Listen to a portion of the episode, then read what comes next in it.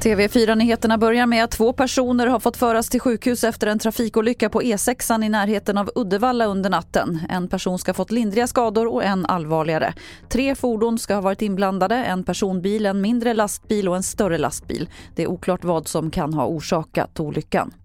Så till USA där högsta domstolen kan vara på väg att häva aborträtten. Det framgår i läckta dokument. Om det blir verklighet innebär det att ett halvt sekel med aborträttigheter för alla kvinnor i USA upphävs. Thomas Kvarnkullen rapporterar från Washington.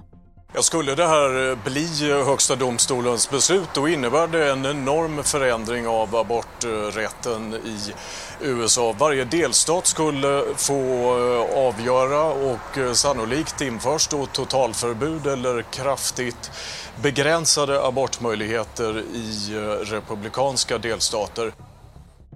Och till sist kan vi berätta att de flesta svenskar nu tycker att vi bör gå med i Nato. Det visar en färsk undersökning från Sifo. Och det är första gången som ja-sägarna är i majoritet i en Sifo-undersökning. 51 procent vill gå med jämfört med 47 i den förra mätningen. Och den stora förflyttningen av åsikter har skett inom Socialdemokraterna.